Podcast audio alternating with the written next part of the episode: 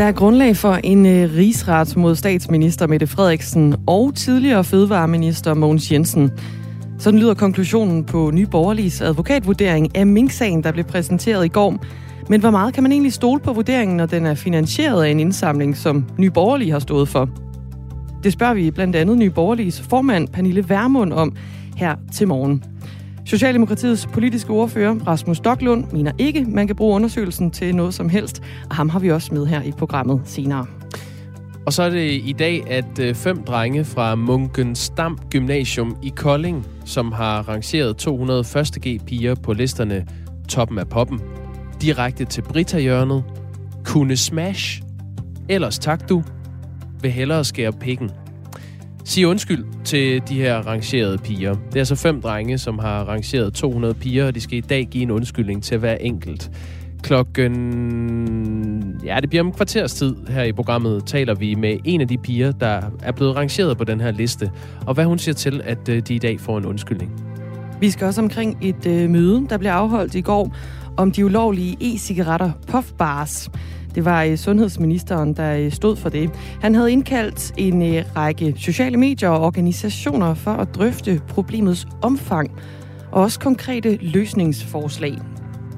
Men e-cigaretvirksomheden Geiser, der er tidligere kendt som Smoke var ikke inviteret, og det er de altså skuffet over.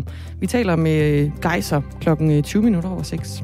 Og så kan vi levere den nyhed, at sommeren definitivt er slut, og øh, trods eftermiddag med pænt og okay lunt vejr flere steder, så kan man jo også konkludere, at sensommeren er, øh, er over. Mørket er tiltagende. Det begynder at lugte efterår. Eller det er dufte, faktisk øh, efterårsjævndøgn jo i dag. Det er det, jeg vil frem til. Mm. Øhm, det er sådan, at øh, vi er gået ind i vinterhalvåret med efterårsjævndøgn. Ikke kun i Danmark, men over hele kloden. Og det betyder altså, at nætterne nu er længere end dagene. Og sådan bliver det frem til marts. Inden vi går videre, så når jeg lige at rette mig selv, for jeg sagde, at vi havde i Geiser med klokken 20 minutter over 6. Der var jeg lige hurtigt nok ude. Det er altså først klokken øh, kvart i syv. Ja, altså det her øh, firma, som sælger e-cigaretter. Den ja. PR-ansvarlige, altså Janet Andersen. De sælger e-cigaretter, men vi skal tale med dem om et møde om puffbars. Nemlig. Klokken øh, kvart i syv taler vi med, ja, vi taler med Geiser. Godt, du kan skrive ind til os på 1424, øh, hvis du vil os noget. Det har Mariem allerede gjort. Hun skriver, hvis Alex Vandopslag ikke har styr på folketingsreglerne, kan han så være med til at bestemme over os andre? Han er kun flov, efter han blev fanget. God weekend for mig hjemme.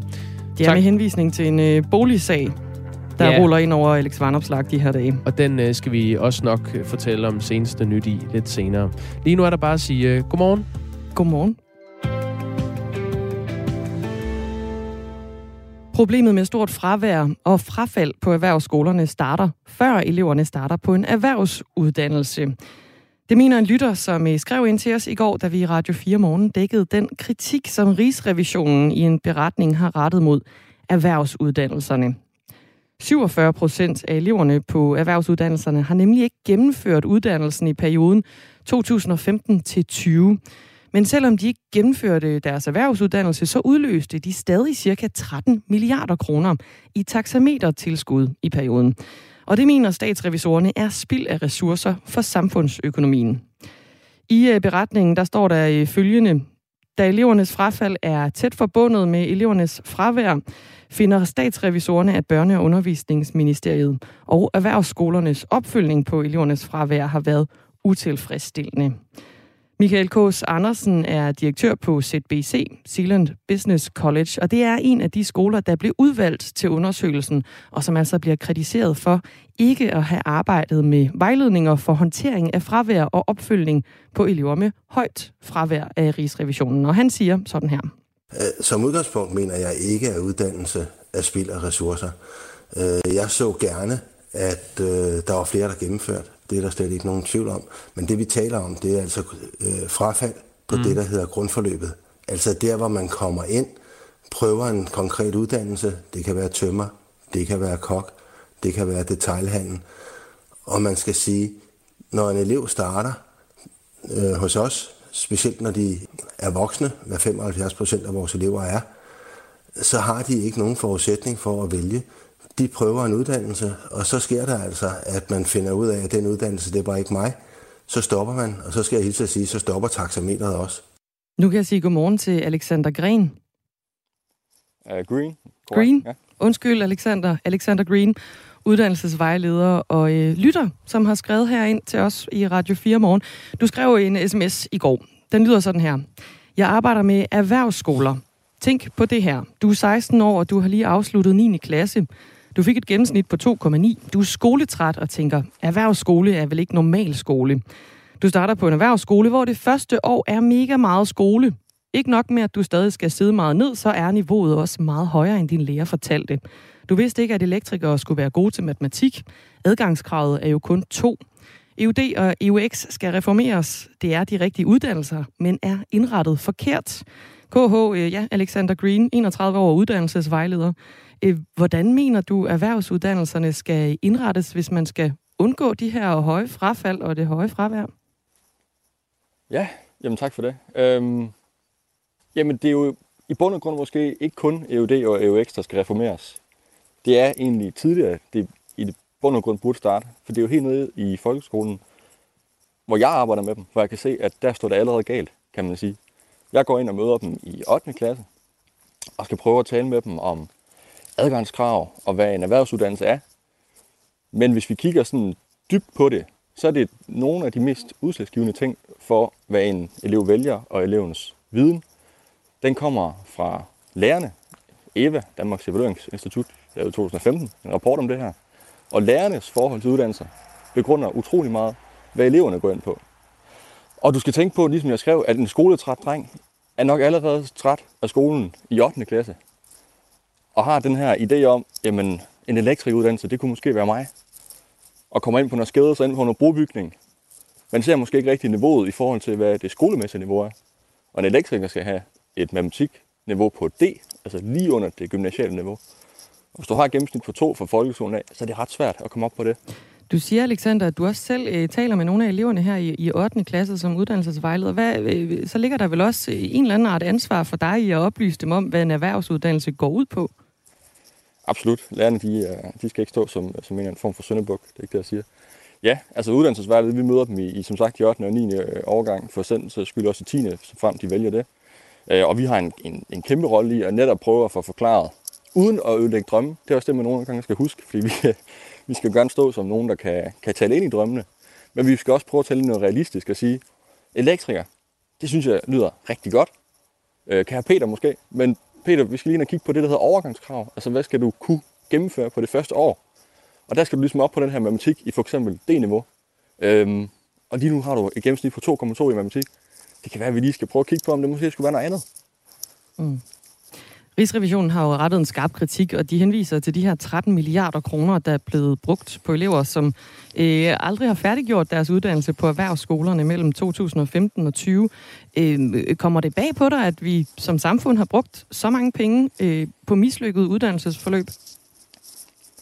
Øh, nej, det, og det er heller ikke... Øh, altså de penge, øh, jeg ved godt, det lyder øh, som et højt tal, men jeg er meget enig i, i, i herren, I talte med i går at uddannelse kan aldrig nogensinde være spild, og så de mennesker, de bliver selvfølgelig også meget klogere på sig selv. Det her, det forekommer jo øh, overalt, kan man sige, at, at presse nogle 16-årige mennesker, de skal allerede som sagt i 8. klasse, når de er 13-14 år, forholde sig til, hvad de skal lave til de er 72. Altså der er nogle, nogle, nogle ting, der er indrettet helt forkert, og jeg, jeg mener helt grundlæggende, at, at folkeskolen skal reformeres, så det ligner måske mere det svejsiske model, hvor man begynder at kigge på, jamen, nede i mellemtrinnet, skal vi allerede begynde nu at målrette dig mod en erhvervsskole, så du ligesom måske kan kan blive hurtigt afklaret i, hvad kunne egentlig give mening for dig. Fordi, og det ved lærerne også.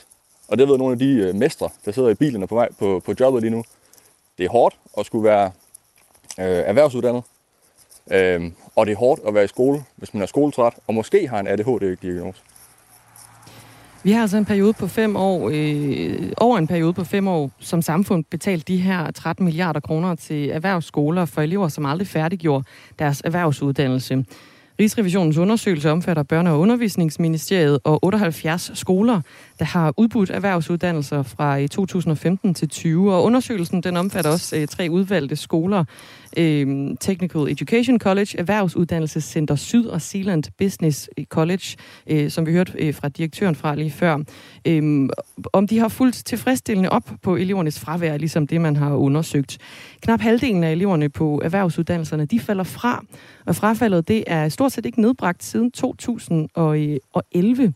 Øh, øh, har du en øh, idé om, hvordan det kan være som uddannelsesvejleder, Alexander Green?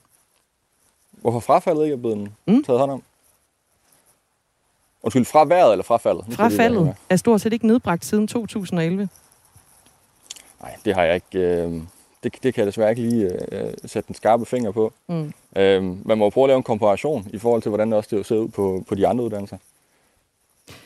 Nu skal vi så til øh, fraværet, fordi det gennemsnitlige ulovlige fravær hos elever, der afbrød uddannelsen, det var øh, lige over 10,5 procent fra 15 til 2020, mens fraværet det var øh, knap 2 procent hos elever, der gennemførte uddannelsen, altså 1,7 procent.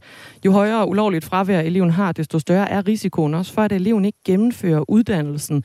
Så du har været lidt inde omkring det, Alexander Green. Hvad, hvad kan være en konkret løsning på, at elev, erhvervsskolerne de får et, et mindre frafald? Jamen, en løsning er selvfølgelig ressourcer, at erhvervsskolerne får mere ressourcer, men en løsning er også, at vi bliver ikke nødt til at kigge nødvendigvis på, på erhvervsskolerne alene. Vi bliver nødt til at sige, okay, hvordan kan vi i højere grad løse det her problem? Og det gør vi ved, at der kommer ned i folkeskolen, at vi måske får en mesterlæreordning tilbage i 8. klasse allerede. Altså, det, det, det er simpelthen for sent, at vi slår ind, når de er 16, 17, 18 år. Og vi, og, og vi rammer også forkert med adgangskravene. Altså, det, det giver ikke mening at sige, at en EUX-uddannelse, altså en gymnasial erhvervsuddannelse, skal have et adgangskrav på to i matematik, når du på stort set alle de UX'er, jeg kender, undtagen business, skal have matematik på A-niveau. Altså, der er, der er noget grundlæggende forkert, og vi går også ind og stigmatiserer forkert ved at sige, at en STX skal have et adgangskrav på 5, og en EUX skal have et adgangskrav på 2. Og det giver nogle, nogle forkerte indfald på en elev, der lige pludselig kan se sig selv i noget. Og det skal I også kunne se sig selv i. Men vi bliver nødt til at have mere fokus på det praktisk faglige, og den anvendte matematik, og den anvendte dansk, og det anvendte alt muligt. Så Alexander Gren, helt kort her til sidst. Hvor, hvor ser du ansvaret for det her, det ligger henne? Den ligger naturligvis af Pernille Rosenberg og de øh, undervisningsminister, der er kommet før han. Alexander Gren, du skal have tak, fordi du var med. Selv tak. Uddannelsesvejleder, altså også øh, lytter her af programmet, som har skrevet ind til os i går.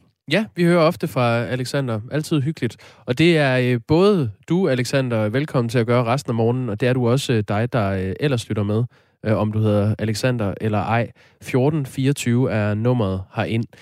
Vi kan sige, at en af de historier, vi øh, går efter her til morgen, som vi ikke har planlagt endnu, der er jo noget, der er planlagt på forhånd. Øh, vi ved blandt andet, at nye borgerlige advokatundersøgelse kommer til at fylde en del her mm. i programmet i dag.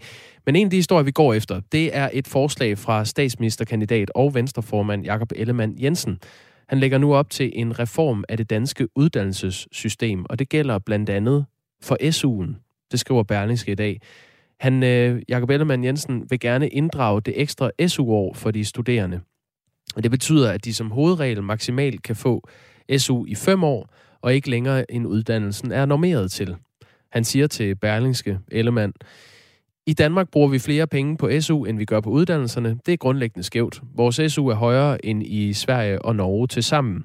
Vi har brug for at investere i uddannelse, men jeg mener, det er rimeligt, at vi fjerner det ekstra SU-år, så vi forsørger de unge, men kun i den periode, som uddannelsen er normeret til.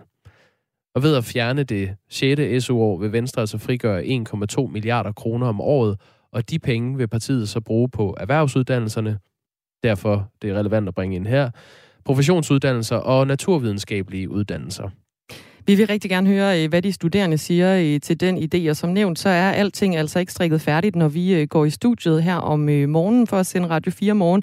Vi har kyndige kolleger på den anden side af studiet, som forsøger at ringe diverse kilder hjem, og vi vil rigtig gerne høre, hvad de studerende siger til den her idé. Ja, det kunne være øh, Danske Studerendes Fællesråd, for eksempel. De har en øh, forperson, der hedder Julie Lindmann. Så det kan være, at vi kommer til at høre fra hende, og det kan også være, at vi kommer til at høre fra Venstre selv.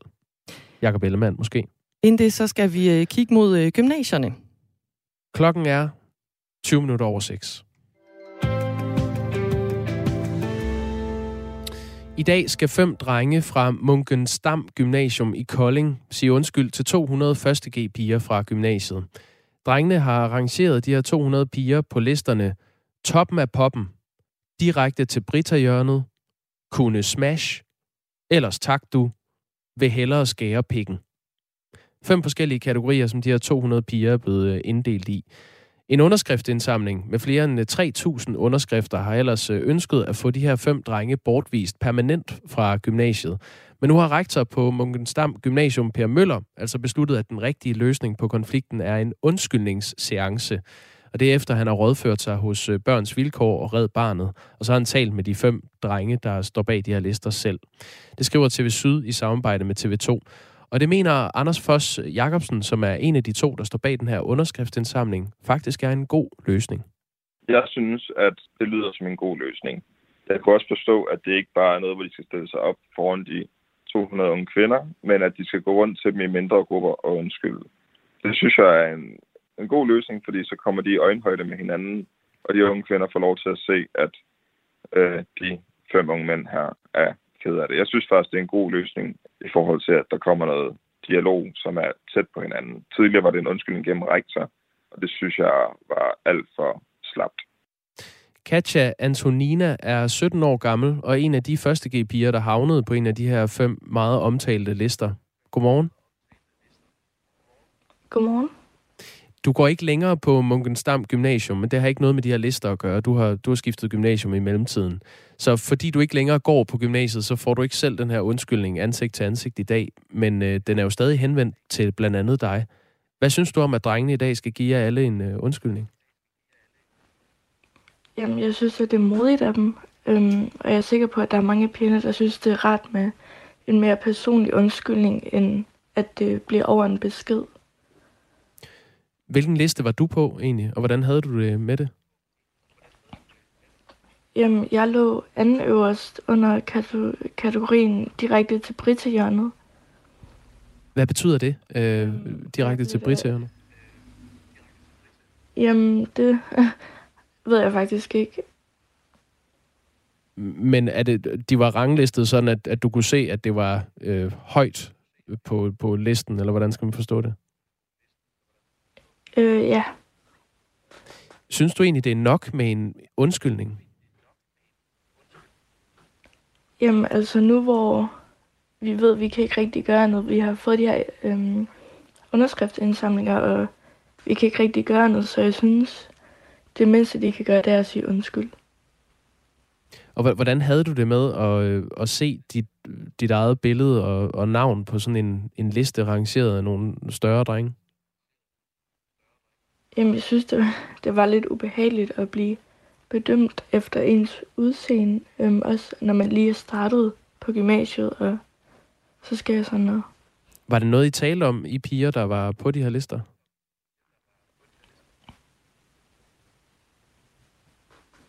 Nej, ikke rigtigt.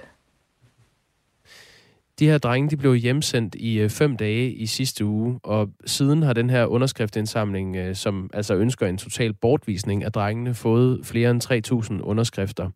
Det er også kommet frem, at en såkaldt øh, wanted-liste gennem flere år har været en del af introfesterne.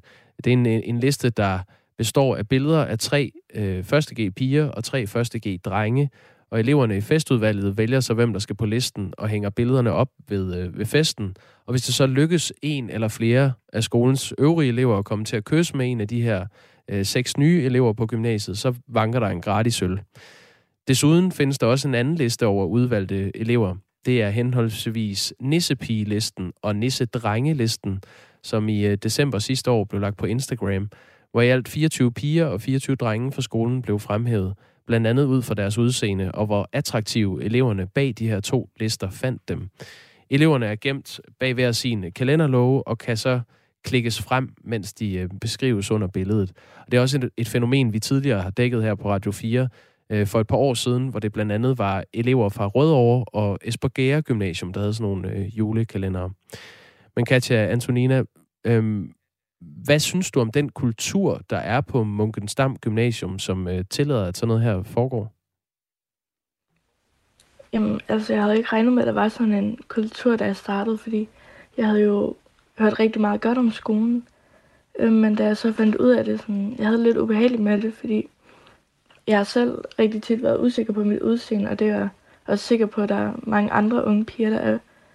Øhm, så jeg synes, det er fuldstændig absurd, at det bare er en del af kulturen på gymnasiet, at vi dømmer hinanden ud fra udseende. Tror du, det bare er sådan at gå i gymnasiet i dag, eller er der en uh, særlig dårlig kultur på Munkensdam Gymnasium i Kolding? Mm, nej, jeg tror faktisk, det er sådan på de fleste gymnasier. Er det fordi, at du kender andre, der har oplevet noget lignende, eller hvad bygger du det på? Jamen, altså, nu ved jeg jo, at nu har jeg gået på et andet gymnasie, øhm, og der har de jo også det der med nissepiger og nissedrenge. Katja Antonina er altså en af de øh, piger, der var blevet rangeret på de her lister, som nu gør, at drengene bag listerne skal sige undskyld i øh, dag. Jeg byder lige en stemme mere indenfor, øh, Katja. Det er Markus Torgård Hansen, som er 19 år og går i 3.G på Munkensdam Gymnasium. Godmorgen. Godmorgen. Øh, nu hvor Katja Antonina ikke går der længere, så er det jo øh, også relevant lige at have dig med. Du går så i 3.G øh, på samme gymnasium. Tror du, kulturen på Munkensdam Gymnasium i Kolding adskiller sig fra landets øvrige gymnasier? Øh, nej, det tror jeg ikke. Øh, jeg tror også, man skal passe på med at, at, at ligesom dømme hele gymnasiet på, på de her fem drenge her. Øh, men, men generelt, så, så tror jeg, at kulturen ligner meget den, der er på andre gymnasier. Nu kan jeg jo ikke snakke øh, ud fra andre gymnasier, når jeg selv kun har gået på Munkensdam. Men, øh, men det vil jeg sige nej til. Hvad har din oplevelse af de her øh, ranglister været? Øh, altså, det, min oplevelse er jo nok, at de her drenge, de har, de har lavet den her liste her, øh, og så har de ikke kendt konsekvenserne øh, af det, de har lavet. Øh, som så heldigvis har fået konsekvenser. Øh, hvor det er grunden til, at det her jo så er, er blevet så stor en ting, det er jo fordi, at mange har været uenige med den konsekvens, det så har fået. Ved du egentlig, hvad, hvad det her Brita-hjørnet er, øh, som Katja Antonina var placeret på? Det ved jeg faktisk ikke. Det, det var mange, der står stadig i tvivl om. Har du talt med nogle af dem, der har, der har lavet listerne, eller nogle af dem, der var på listerne? Øh, ja, jeg kender godt nogle af dem, der var på listerne, men øh, jeg kender ikke dem, der har lavet dem. Nej. Hvordan blev du bekendt med, at de eksisterede? Øh, det var faktisk igennem øh, nogle af første øh, pigerne, som var på listen, øh, som, øh, som viste det til en af mine kammerater, som øh, jeg går i klasse med. Var da jeg fik det igennem. Hvor, hvor er det egentlig, de er blevet delt henne, de her lister? Jamen, jeg, jeg tror faktisk, de her øh, drenge her fra den her 3. V-klasse, de har gået rundt til vores introfest, som var for nogle uger siden. Og så viste det til de piger, de havde øh, sat i toppen af poppen. Og så øh, har de piger så fået listen, og så derfra så er det bare spredt sig. Fordi de piger så har gået og vist den til alle. Hvad, hvad tænkte du, da du så dem, listerne? Øh, jeg tænkte, at det, det, det er for vildt, det her. Øh, de har jo siddet øh, og kopieret over øh, 200 lektiobilleder ind, øh, som jo har taget flere timer jo. Øh, ja, det er et stort arbejde. Det, ja, det er noget af et arbejde, og som man ikke lige har tænkt i løbet af den her tid her, at øh, hvad fanden er det lige, vi laver? Hvad, tror du, det kommer til at betyde for kulturen på Munkensdam Gymnasium i Kolding, at de her drenge, som står bag listerne i dag, skal sige undskyld til øh, hver af de her 200 første G-piger, som de har arrangeret? Jeg tror, altså for os anden tredje G, jeg tror ikke, det betyder så meget. Men jeg kan godt se, at det kommer til at betyde rigtig meget for de første G-piger, som har været involveret. Øh, I og med, at de kommer til at få den her undskyldning, øh, og ligesom blevet objektificeret af de her tre tredje G'er her. Og det kan være, at de har fået syn af, at alle tredje G'er øh, gør det her. Øh, men det viser også en, tænker, det viser en god pointe fra ledelsens side, at øh, det her, det finder vi os ikke i. Men det må også være rart for de nye 3G-piger, eller første G-piger, som er startet, øh, at få den her undskyldning. Markus Thorgård Hansen går altså i 3G på øh, Munkensdam Gymnasium, hvor der i dag skal være en stor øh, undskyldningsseance. Du skal have tak for, at du er med i Radio 4 morgen. Jo, selv tak. Og også tak til dig, øh, Katja Antonina. Ja, selv tak. Som altså var en af de her piger, som var placeret på en af listerne, men ikke længere er elev på Munkensdam Gymnasium. Puttelister findes på alle gymnasier. Katja Antoninas analyse, at drengene er modige, er korrekt. De har gjort noget dumt, men tager ansvar for deres fejl er der en lytter, der skriver på 1424. Vi har forsøgt uh, forgæves at få fat på Munkensdam Gymnasiums rektor. Han er ikke uh, vendt tilbage på vores henvendelser hele dagen i går. Men uh, til TV Syd sagde han i aftes, at han mener, at fem dages hjemsendelse af drengene, der står bag listen, og en undskyldningsseance er det rette svar. Vi er på en uddannelsesinstitution, ikke? og det er jo det her, hvor vi ja, uddanner og danner mennesker. Ikke? Og med til det hører jo også øh, det forhold, at man kan sige undskyld eller bede om at få en undskyldning. Vi prøver stadig at få fat i Per Møller her i, til morgen også. Og vi har også bedt om en kommentar fra gymnasiets bestyrelsesformand, men han har afvist at stille op til interview. Nu klokken halv syv.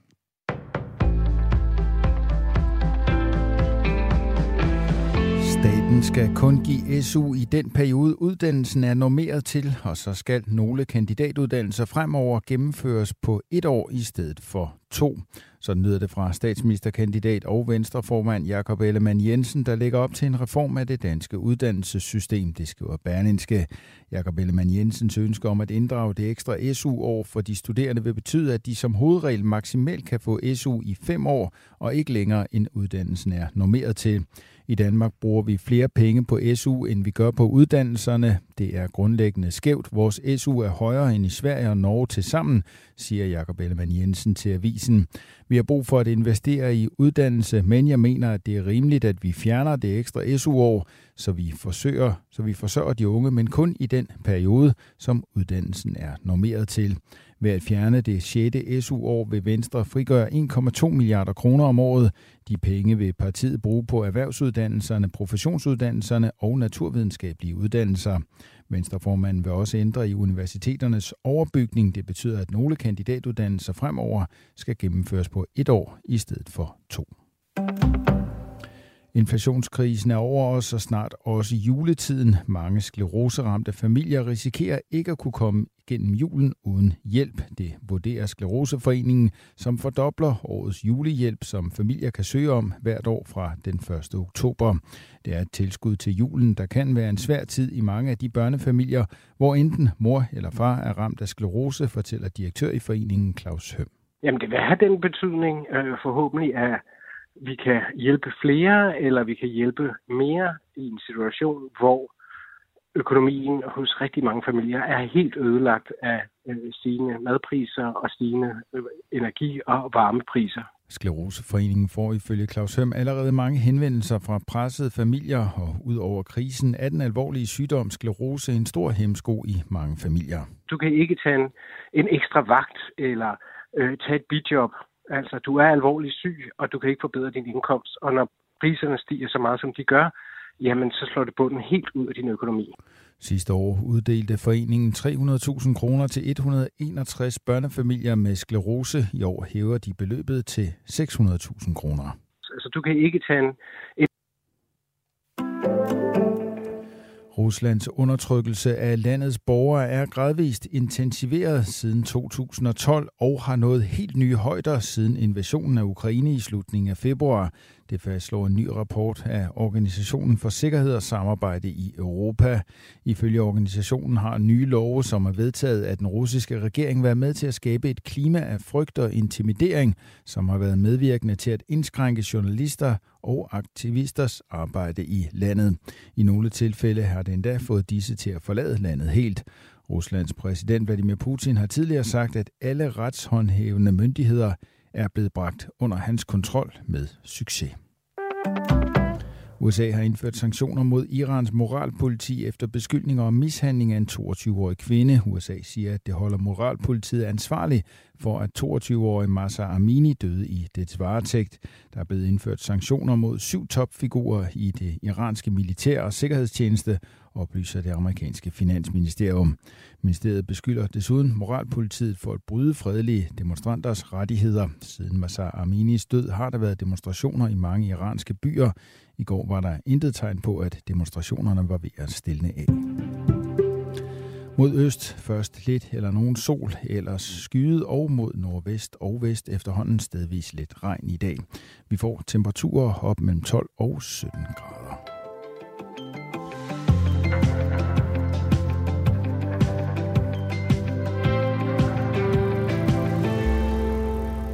Munken Stam. Navnet er det største ved den historie, skriver i Mikkel Det er ovenpå en historie om et øh, gymnasie, som har haft en øh, række lister, der har rangeret pigerne i 1. G. Øhm, gymnasiet hedder ikke Munken Stam, skal vi måske præcisere? præcisere? Og det er munkens dam, altså en dam som et lille vandhul, og munken Jeps. som en munk. Ja, nemlig. ja. Øh, godt, så blev det opklaret. Øhm, det kan man jo diskutere, hvad der er den største, det største ved øh, den historie, men det er i hvert fald en del af historien, at øh, gymnasiet hedder det. Og i dag skal alle de her piger have en undskyldning af de fem drenge, der står bag listerne. Ja, nemlig. Du kan skrive ind, som Mikkel har gjort på 1424, hvis du øh, gerne vil i kontakt med Dagmar Iben Østergaard og Jakob Grosen, der i dag beværter Radio 4 morgen. Godmorgen. Mange små købmænd er presset af de høje priser, de skal betale for varme. Øh, lokalerne de skal jo ikke være iskolde, men til gengæld så skal de have kølet deres varer ned. Og i min købmand i Nørre Fælling, nær Holstebro, der har de nu bedt kunderne om hjælp til at betale regningerne. Her kan kunderne nemlig øh, sponsorere en køledisk eller en fryser i en måned af gangen ved at betale 1000 kroner. Og det er der øh, mange kunder, der gerne vil. I hvert fald så er der betalt for købmandens kølediske og fryser i flere måneder frem. Lotte Bull, du er købmand ved min købmand i Nørrefælling. Godmorgen. Godmorgen. Hvordan kom I i tanke om at spørge kunderne, om de vil øh, sponsorere en køledisk? Mm, det var sådan set lagt op til, øhm, til Nørrefællingbrugerne, at, at de skulle komme med nogle gode idéer til, hvordan vi kunne kunne hjælpe elregningen. Og der var et af forslagene, at, øh, at man kunne få sponsor på køler og fryser. Øhm, og det tænkte vi egentlig, det var egentlig en mega god idé og rimelig nem og simpel at gå til. Øh, så derfor fik vi det sat i værk. Hvor meget af jeres elregninger i stedet siden det er nødvendigt at bede kunderne om hjælp til at betale for at holde en køledisk kørende? Jamen, det er, det er et sted til godt og vel det doble. Og hvad, hvad, hvad, hvad er beløbet på det dobbelte? Øh, jamen altså, når vi fjerner, øh, fjerner afgift og, og øh, momsen i august måned, så det, der bare er ren, ren strøm, så er den på øh, 48.000 mm. for, for vores lille butik. Hvad vil konsekvensen være, hvis I ikke fik hjælp af kunderne til at betale elregningerne? Ja, men altså med udsigt til, at det kun stiger og stiger og stiger, så, øh, så vil vi ikke kunne øh, øh, tjene de penge, som, som vi skal bruge til at betale strøm. Øh, vi er en forholdsvis ny og genopstartet butik, øh, så vi har ikke noget på, på kistebunden til at, at hjælpe til sådan noget her. Så, øh, så det hele det vil sådan set det går til, til det, det skal lige nu, og så sådan en kæmpe strømregning oveni, det, øh, det kan ikke lade sig gøre. Myndighederne de opfordrer jo øh, os alle sammen til at skrue ned for vores energiforbrug lige nu. Øh, hvad har I gjort for at spare på energien, før I bad kunderne om at sponsere kølediske og køleskabe? Altså, vi har lukket ned for, øh, for vores grønkøler, og så har vi samlet det alt sammen i vores øh, mælke- og pålægskøler, og så har vi lukket øh, fem fryser ned. Vi har lukket alle køleskab, hvor der normalvis har været kolde drikkevarer i, ned. og vi har skruet op for aircondition inde i butikken, og vi har slukket udendørs øh, lyset. Øhm, for ligesom at, at se, om vi kunne gøre noget. Så der, der er nogle fryser, der er taget ud af, af brug. Hvor er varerne blevet af? Ja. ja, men dem har vi sådan set samlet i de fryser, vi har kørende nu. Så i stedet for en hel række med, med rundstykker, så har vi så kun øh, hvad kan man sige, en stabel af rundstykker. Mm. Øh, så vi har, vi har ikke ret mange varer inde, øh, så vi laver rigtig meget opfyld. Øh, og kunderne, øh, når de kan se, at vi, der ikke er flere af den, så skal de jo selvfølgelig komme og spørge os, hvilket vi lægger op til, at, øh, at de husker at komme og spørge, fordi vi har jo varerne, de er bare ude i den store fryser, som vi er nødt til at køre hele tiden. Mm. Eller køre, ja. Lotte Bull, vi skal lige fra dig, du er jo øh, købmanden, og så skal vi til en af kunderne. Martin Vestergaard, godmorgen. Godmorgen. Du er kunde i min købmand øh, og bor i Nørrefælling. Dit navn står jo på en af, køleskabene hos øh, Lotte Bull lige nu. Hvorfor har du valgt at bruge 1000 kroner på det? Jamen, det har jeg for, altså for at støtte vores lokale øh, købmand. Og ja, det, jeg synes jo, det er en fremragende ting for byen at have en købmand. Så vi er fri for at skal køre langt for at gøre vores indkøb. Ja, hvor, hvorfor er det så væsentligt ikke at skulle køre langt for at gøre indkøb? Jamen, det tager der både tid og benzin, og... så jeg tror på, at hvis man handler fornuftigt, så tror jeg på, at man kan handle lige så billigt ved en lokal købmand. Og så er der jo, det er jo et fantastisk samlingspunkt for, for mange mennesker også, der ikke lige kommer ud til så meget andet. Så, ja. Så på en eller anden måde, så kan du måske næsten øh, spare penge på øh, benzin ved at have en øh, købmand tæt på, og så betale de 1000 kroner for køledisken. Ja, det vil jeg mene, du kan. Altså, skal du handle rigtig, rigtig stort ind, så, så vil det nok ikke kunne lade sig gøre at spare så mange penge ned ved en lokal købmand. Men skal du bare gøre din dagligdags handel, og du skal køre måske 10-15 km, som koster 5 kroner per kilometer, så, så kunne du få lidt mere i korn ved en lokal købmand. Mm. Dit navn står jo altså lige nu på en af øh, butikkens køler i øh, Nørrefælling, i min købmand i Nørrefælling. Øh, betyder det noget, at du også kan se, at andre har bidraget? Ja, selvfølgelig godt det. Det, det, det viser jo, at byen står sammen, og de gerne vil have en købmand her i byen. Og hvad betyder det, at andre kan se, at du har bidraget? Men det er jeg sådan set ligeglad med. De må, de må gerne pille mit skæld ned. Bare jeg ved, at jeg har bidraget til at... Altså gjort det, jeg kunne for det. Det er de... tilfredsstillende nok for mig. Martin Vestergaard, de høje energipriser, de ser jo ikke ud til at, at forsvinde lige med det samme. Og nu har du sponsoreret et køleskab for 1000 kroner i en måned. Øhm, kunne du forestille dig at øh, sponsorere en måned mere? Jamen, det vil jeg ikke afvise. Altså, jeg, kan, jeg, jeg vil jo ikke gøre det. Jeg kan jo ikke blive ved med at gøre det hver eneste måned, men, øh, men nu er den solgt i tre måneder, så om tre måneder, så kunne det da godt være, at jeg kunne finde på det en gang mere. Jeg skal lige tilbage til øh, Lotte Bull, der er købmand ved øh, min købmand i Nørre Fælling. Hvad, øh, hvad betyder den her støtte, du får fra lokalsamfundet? Jamen, det betyder jo mega meget. Altså, det betyder jo, at, øh, at, at, at, vi, at vi står sammen om at, at have vores købmand. Og det betyder, at, at de har tillid til, at det vi gør ved købmanden, mig og mine kollegaer, vi, det vi gør, det er det rigtige. Og de rigtig gerne vil have, at vi er der. Øhm, så de dage, hvor det er lidt træls, så, øhm, så kan man kigge på det der, og så, ja, de vil gerne have, at vi er her. For altså, det nemmeste i verden er jo bare at trække på skuldrene og lade som ingenting. Øh, men her gør man jo faktisk noget for, og, og man viser, at man gerne vil have, at man er der. Og det allervigtigste er jo sådan set, at de fortsætter med at handle. For hvis der er ingen, der handler, så kan det jo sådan set være ligegyldigt, om man har givet 1000 kroner til en køler.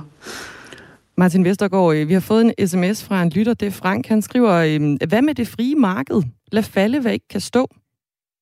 Hvad siger du til det?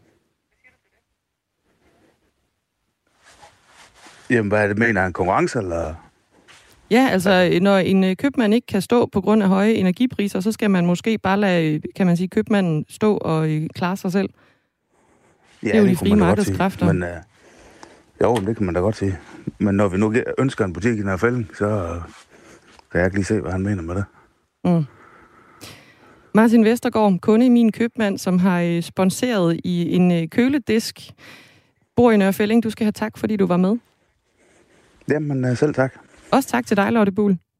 Ja, velkommen. Købmand ved min købmand i Nørfælling, som altså har fået de her 1000 kroner af øh, Martin Vestergaard, og også en række andre kunder, fordi lige nu ser det ud til, at øh, kølediskene får lov til at øh, stå med sponsorat i tre måneder frem. Klokken er blevet 18 minutter i syv. Der er historisk mange borgerlige partier i Danmark, og spændingerne stiger. Dansk Folkeparti er jo det mest kopierede parti i Danmarks historie, vil jeg sige, så hvorfor skulle Ingrid ikke have det samme privilegium som Mette Frederiksen? I det blå hjørne på Radio 4 sætter vi de røde uden for døren og tager diskussionen mellem de blå. Så jeg havde det sådan en fornemmelse af, at jeg så et afsnit Borg, hvor der kom en kopi af Dansk Folkeparti. Det er bare ikke så simpelt en dag. Lyt med i dag kl. 11.05. Radio 4 taler med Danmark. Statsminister Mette Frederiksen har som minimum handlet groft uaksomt i Mink-sagen, og derfor er der grundlag for at drage hende til ansvar efter ministeransvarlighedsloven. Det samme gælder tidligere fødevareminister Mogens Jensen, begge fra Socialdemokratiet. Det er i hvert fald det, som advokaterne, øh, der er hyret af nye borgerlige, øh, nu vurderer. De har, øh, der er blevet samlet penge ind Øh, 750.000 kroner har Nye Borgerlige samlet ind til at få en advokatundersøgelse af Mink-kommissionens beretning. Og øh, de to advokater vurderer altså, at der nu er grundlag for en rigsret. Hvis man skal pege på noget af det særlige, så er det jo, at man for det første gennemfører et møde, hvor man vedtager en beslutning, som ikke er indstillet.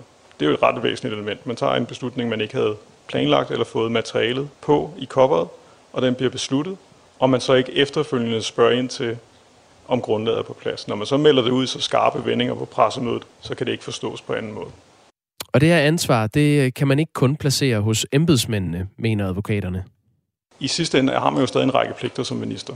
Man har jo både initiativpligt, man har en spørgepligt, man har en sandhedspligt. Alle de her elementer er jo noget, man uanset hvor mange embedsmænd man under, skal man jo stadig jagtage. Og der er jo et spørgsmål om, hvor sætter man standarden for det. Og der mener vi, at man er gået over grænsen i den her sammenhæng. Den stemme, du hører her, tilhører Morten Svarts Nielsen, øh, som kommer fra advokatfirmaet Lund Elmer Sandager, og det var altså ved fremlæggelsen af deres øh, vurdering i går. En rigsretssag vil ifølge advokatfirmaet formentlig føre til dom og straf. Det er min forventning, at hvis man gennemgår en rigsretssag, hvis Folketinget beslutter sig for at rejse en, så vil det også føre til domfældelse af de pågældende to minister minister, siger han her til sidst. I november 2020 meldte statsminister Mette Frederiksen altså ud, at alle mink skulle aflives. Det viste sig siden, at der ikke var lovhjemmel til det. Men kommissionen vurderede jo som bekendt forløbet og kritiserede statsministeren for grov vildledning af, af offentligheden, men udpegede embedsmænd som ansvarlige, heriblandt Mette Frederiksens departementschef Barbara Bertelsen. Mette Frederiksen havde ikke øh, viden om det, konkluderede Mink-kommissionen, men kommissionen tog ikke stilling til, om statsministeren handlede groft uaksomt i forhold til ministeransvarlighedsloven. Og efterfølgende øh, ønskede de blå partier i Folketinget en uvildig advokatvurdering øh, af, om der kunne være et grundlag for en rigsret mod statsministeren men øh, et flertal ønskede det ikke. Derfor har partiet Nye Borgerlige altså samlet 750.000 kroner ind til den uvildige advokatundersøgelse af Mink-kommissionen fra juni. Og det her det er en alvorlig sag for statsminister Mette Frederiksen. Det vurderer Thomas Larsen, der er politisk redaktør her på Radio 4. For det første så er de to advokater jo meget, meget klare i mailet i deres øh, vurdering. Altså de siger jo øh, direkte, at, øh, at der er øh, en mulighed for, at, øh, eller rettere sagt, de siger direkte, at de tror, at, øh, at Mette Frederiksen hun vil blive dømt, hvis hun bliver stillet for en, øh, en rigsret. Og det er jo simpelthen altså et, et, et budskab, der er øh, meget, meget øh, direkte myntet på øh, statsministeren. Øh, og så er det også klart øh, i, i, i den øh, situation, som nu er opstået, opstået i dag, hvor øh, hele det politiske Danmark altså igen begynder at kigge på den her øh, Mink-sag, så er det dårligt nyt for statsministeren, for hvis der, hvis der er en sag, som hun drømmer om at lægge langt bag sig, og som håber, altså, som hun også håber på, at vælgerne glemmer hurtigst muligt, så er det lige præcis den øh, sag. Så nu har den fået et, øh, et nyt liv, øh, og det er også klart, at når vi ser frem mod øh, valgkampen, som jo, øh, selvom den ikke er udskrevet, spidser mere og mere til, så kan hun jo også være stensikker på nu, at hendes hans øh, politiske modstandere vil sætte fokus på den her sag, og også pege på, at nu er der ovenikøbet nogle advokater, der har sagt, at hun er gået over stregen, og at, øh, at, at øh, hun har et kæmpe øh, problem med, med den sag siger politisk redaktør på Radio 4, Thomas Larsen.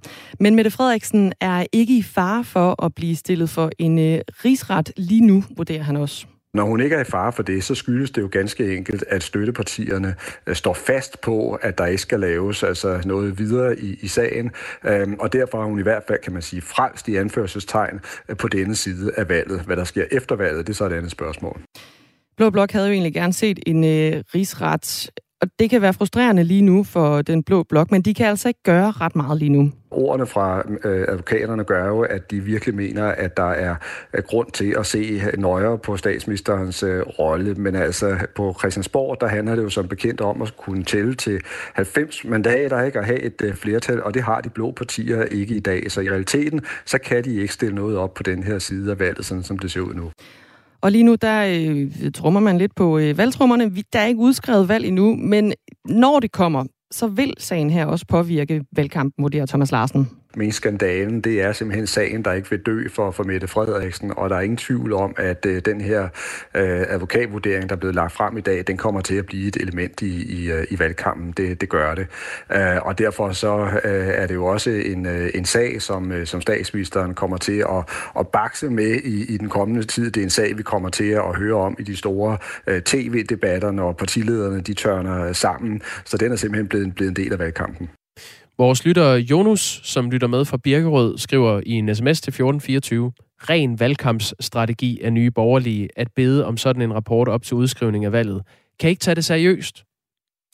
Vi afventer jo i hvert fald, at der måske muligvis bliver udskrevet et valg den øh, 4. Oktober, når øh, Folketinget åbner igen. Der er jo blevet øh, stillet et krav fra Radikale Venstres side. Klokken cirka øh, 20 minutter over syv her i Radio 4 morgen, der hører vi fra Bo von Wittenstein, der har doneret til advokatundersøgelsen, som øh, Nye Borgerlige har øh, bestilt. Og klokken cirka 20 minutter over 8 taler vi med Pernille Vermund, formanden for Nye Borgerlige. Og klokken lidt over halv ni, der skal vi tale med Rasmus Stoklund, der er politisk ordfører for Socialdemokratiet, som mener, at den her øh, uvildige undersøgelse, den er ubrugelig. Michael skriver, det er ufattelig vigtigt at konstatere, om advokaterne faktisk er uvildige og har frie hænder til at komme med, hvilket resultat der end måtte vurderes at være det korrekte. Nye borgerlige har udtalt, at ville fremlægge resultatet og ikke kende det, uanset hvad retning resultatet ville tage, før det blev offentliggjort. Det er selvfølgelig noget, vi kommer til at forholde Pernille Vermund, altså uvildigheden i den her advokatundersøgelse. 10-7 som Rasmus Radiomus sagde engang, øh, er klokken i, øh, i Danmark. Du kan skrive ind på 1424, hvis du øh, vil noget. Mange vil nok efterhånden have hørt om det, der hedder puff bars. Det er en øh, ulovlig indgangsudgave af e-cigaretter, som kan smage af alt fra vandmelon og jordbær til slik og kaffe latte. Det er nemlig blevet ekstremt populært blandt børn og unge at puffe på sådan nogle bars. Og det er meget alvorligt, sådan lyder det fra sundhedsminister Magnus Heunicke i et opslag på Twitter. Han har derfor indkaldt en række sociale medier og organisationer til et møde, som blev afholdt i går i Sundhedsministeriet. Og det sker efter, at vi her på Radio 4 morgen i sidste uge lavede en rundringning til 50 af landets kommuner for at undersøge, hvor udbredt problemet med puffbars er der. Og rundringningen viste, at kommuner i samtlige af landets regioner kender til konkrete tilfælde, hvor børn og unge ryger puffbars. Og det sker altså på trods af, at e-cigaretter med smag er ulovlige i Danmark, og at det desuden er ulovligt at sælge nikotinprodukter til børn under 18 år. Til mødet i øh, Sundhedsministeriet var Facebook, TikTok, Snapchat, danske skoleelever, skole og forældre, SSP-samrådet og Sikkerhedsstyrelsen blandt andet indkaldt. Men nu skal vi tale med en, som øh, er skuffet over ikke at have fået en invitation. Det er dig, Jeanette Andersen. Godmorgen. Godmorgen. Du er PR-ansvarlig for den virksomhed, der lige har skiftet navn fra Smokit til Geiser. Det er rigtigt. Øh, og I sælger e-cigaretter både online og gennem jeres 37 øh, butikker rundt om i, øh, i Danmark. Ja. Hvorfor er I skuffet over, at I ikke blev inviteret til det her møde om puffbars? Fordi vi havde advaret øh, under forhandlingerne til den nye lovgivning, der havde vi advaret regeringen om, at det her vi komme til at ske. At vi vil se et sort marked, lige så snart smagsforbuddet trådte i kraft den 1. april. Der var ikke nogen, der lyttede. Øh, og nu vil vi så gerne have haft muligheden for at få noget at skulle have sagt igen, og det fik vi ikke. Hvorfor er det, du mener, at det her det har en øh, øh, tilknytning til det forbud, der er mod smag? Altså, man lavede jo forbuddet for at forhindre børn og unge i at bruge de her produkter. Nu kan vi jo så bare se, at det eneste, der, der er sket, det er, at de voksne ikke kan få lov til at få produkterne, men at det sorte marked er stukket af, sådan så at børnene lige pludselig er begyndt at bruge dem. Hvad er det, I kunne have bidraget med i Geiser? Ja, vi, havde en hel, vi, vi havde en hel masse forslag til, hvad, hvad vi mener kunne være fint at gøre. Men altså, det kræver også, at noget af lovgivningen bliver rullet tilbage, kan man sige. Øh, og det tænker jeg ikke, at der er nogen, der er interesseret i. Vi har ragt ud til øh, Sundhedsministeriet for at høre, hvorfor I, øh, Geiser, ikke var inviteret med til det her møde, og de har sendt et skriftligt svar. Okay. Sundhedsministeriet kan oplyse, at fokus for mødet var ulovlig, af salg af ulovlige puffbars med søde smage, som der i medierne har været historier om, sælges til børn og unge, for eksempel på sociale platforme. På mødet deltog på den baggrund blandt andet repræsentanter for aktører, som kan spille en rolle i formidlingen af de ulovlige produkter. Derudover deltog repræsentanter for kontrolmyndighederne, kommunerne samt organisationer, som repræsenterer børn og unge. Det var altså repræsentanter, der aktivt kunne øh, være med til at spille en rolle i forhold til, øh, at det her, de her øh, produkter bliver brandet, for mm. eksempel på sociale medier. Mm. Så er det vel fair nok, at I ikke skulle med? Jamen altså, det er jo fair nok, og vi er heller ikke inviteret, eller vi var heller ikke inviteret. Øhm, men vi vil også gerne forhindre, at børn og unge bruger de her produkter, og det er jo egentlig derfor, vi gerne ville have været inviteret. Vil I gerne have, at, der, at det stadig var lovligt at have smage i sådan nogle dampprodukter? Ja, for jeg tænker, at en del af eller det, det, det, der kunne have været kontrol med, det var, hvis, hvis smagene var blevet i forretningerne, øh, i specialforretningerne, så kunne man have holdt kontrol der, øh, i stedet for at lige pludselig så hele markedet for smag råd ud til alle mulige mærkelige øh, aktører på det sorte marked. Noget af det, der gør det svært, er jo, at man kan købe dem øh, online. Mm. Og hvis øh, det er en virksomhed, der holder til uden for Danmark, så kan der være en mulighed for, at det sådan set er, er lovligt nok. Mm. Øh, og så er spørgsmålet, om det overhovedet er lovligt at være i besiddelse af et produkt. Altså, Men det er det nok. Altså, det er lovligt at være i besiddelse af produkter. Det er også lovligt for forbrugerne at købe produkterne i udlandet. Det er bare ikke lovligt for udenlandske sælgere at sælge ulovlige produkter til forbrugere i Danmark. Det bliver så bare ikke håndhævet. Nej, det er det. Øh, Og det er noget af det, som øh, sundhedsministeren vil se nærmere på, sagde han i hvert fald i Radio 4 morgen. Ja. Vi har som sagt ringet til de her 50 kommuner i hele landet. Der er 33 kommuner, der vendte tilbage, og af dem svarede 20, at de kender til konkrete tilfælde, hvor børn og unge i kommunen har prøvet at øh, ryge eller dampe på sådan en puffbar. Det er kommuner fra samtlige af landets regioner, som jeg sagde før. Det gælder for eksempel Egedal Kommune, Slagelse, Rebild, Vejle og Silkeborg. Hvordan mærker I hos øh, Geiser, at de her puffbars er blevet populære? Altså helt konkret, så mærker vi det ved, at efterspørgselen er steget. Og det, altså vi ser også unge mennesker, oplever unge mennesker, der kommer ind, også dem under 18, og spørger efter de her produkter hos os. Vi sælger jo ikke til unge under 18, så, så, så altså, uagtet hvad, vi, vi sælger heller ikke produkterne, så vi må jo afvise alle dem, der kommer og spørger. Øh, vi har en, en kollega, som har spurgt, om hun må sætte et skilt op på døren, sådan så, hvor hun siger, at vi ikke øh, sælger produkterne ligesom for, for at undgå de her efterspørgsler. Vi har, vi har dem ikke. Det her forbud mod smag blev øh, indført den 1. april. Hvad har det betydet for jeres omsætning? Vi har haft en 20% nedgang i vores omsætning, og det skyldes jo selvfølgelig ikke puffbars alene. Det, det skyldes jo, at dem, der brugte smag i andre produkter også, de, de, de har også fundet enten, ja, enten er de begyndt at ryge igen, eller også så har de fundet andre alternativer hos, ja, hvad er vi, i bolsjebutikker eller et eller andet, ja. Altså, handler den her skuffelse fra jeres side øh, om ikke at blive inviteret, øh, først og fremmest om at, at beskytte jeres egen forretning, eller, øh, eller hvad er det, der er på spil for jer? Fordi det her møde handlede jo om øh, problemer med, at det florerer på de sociale medier. Det handlede om, at vi, vi, vi har forsøgt at råbe op siden 2019 om, at vi altså gerne vil være med til at, at, at, at forebygge, at børn og unge de kommer til at bruge de her produkter. Vi mener jo ikke, at der er andre end rygerne, der skal bruge de her produkter, og så skal de bruge dem for at holde op med at ryge. Og de her unge, de bruger jo ikke produkterne for at stoppe med at ryge, fordi de aldrig nogensinde har røget en cigaret. Og du vil altså gerne have det her øh, smagsforbud øh, ophævet. Hvordan mener du, det vil sikre, at ingen børn begynder at ryge eller dampe? Altså, vi, jeg tror ikke, vi kan sikre noget som helst. Altså, jeg tror, at unge de vil prøve det, de nu engang kan prøve. Og jeg håber virkelig, at det her det er en dille, som går over. Vi har set det før, at damp lige pludselig blev populært. Det er lidt jo, ligesom fidget spinners, og så stopper det igen. Men, men, men jeg håber, at ved at man flytter kontrollen tilbage til specialforretningerne, øh, at, at, at så vil det være nemmere at håndhæve for eksempel alderskontrollen. Ja, fordi hvis, hvis man ikke kan øh, forhindre, at børn begynder at gøre det, og det er et øh, afhængighedsskabende produkt, mm. så står man jo med et problem.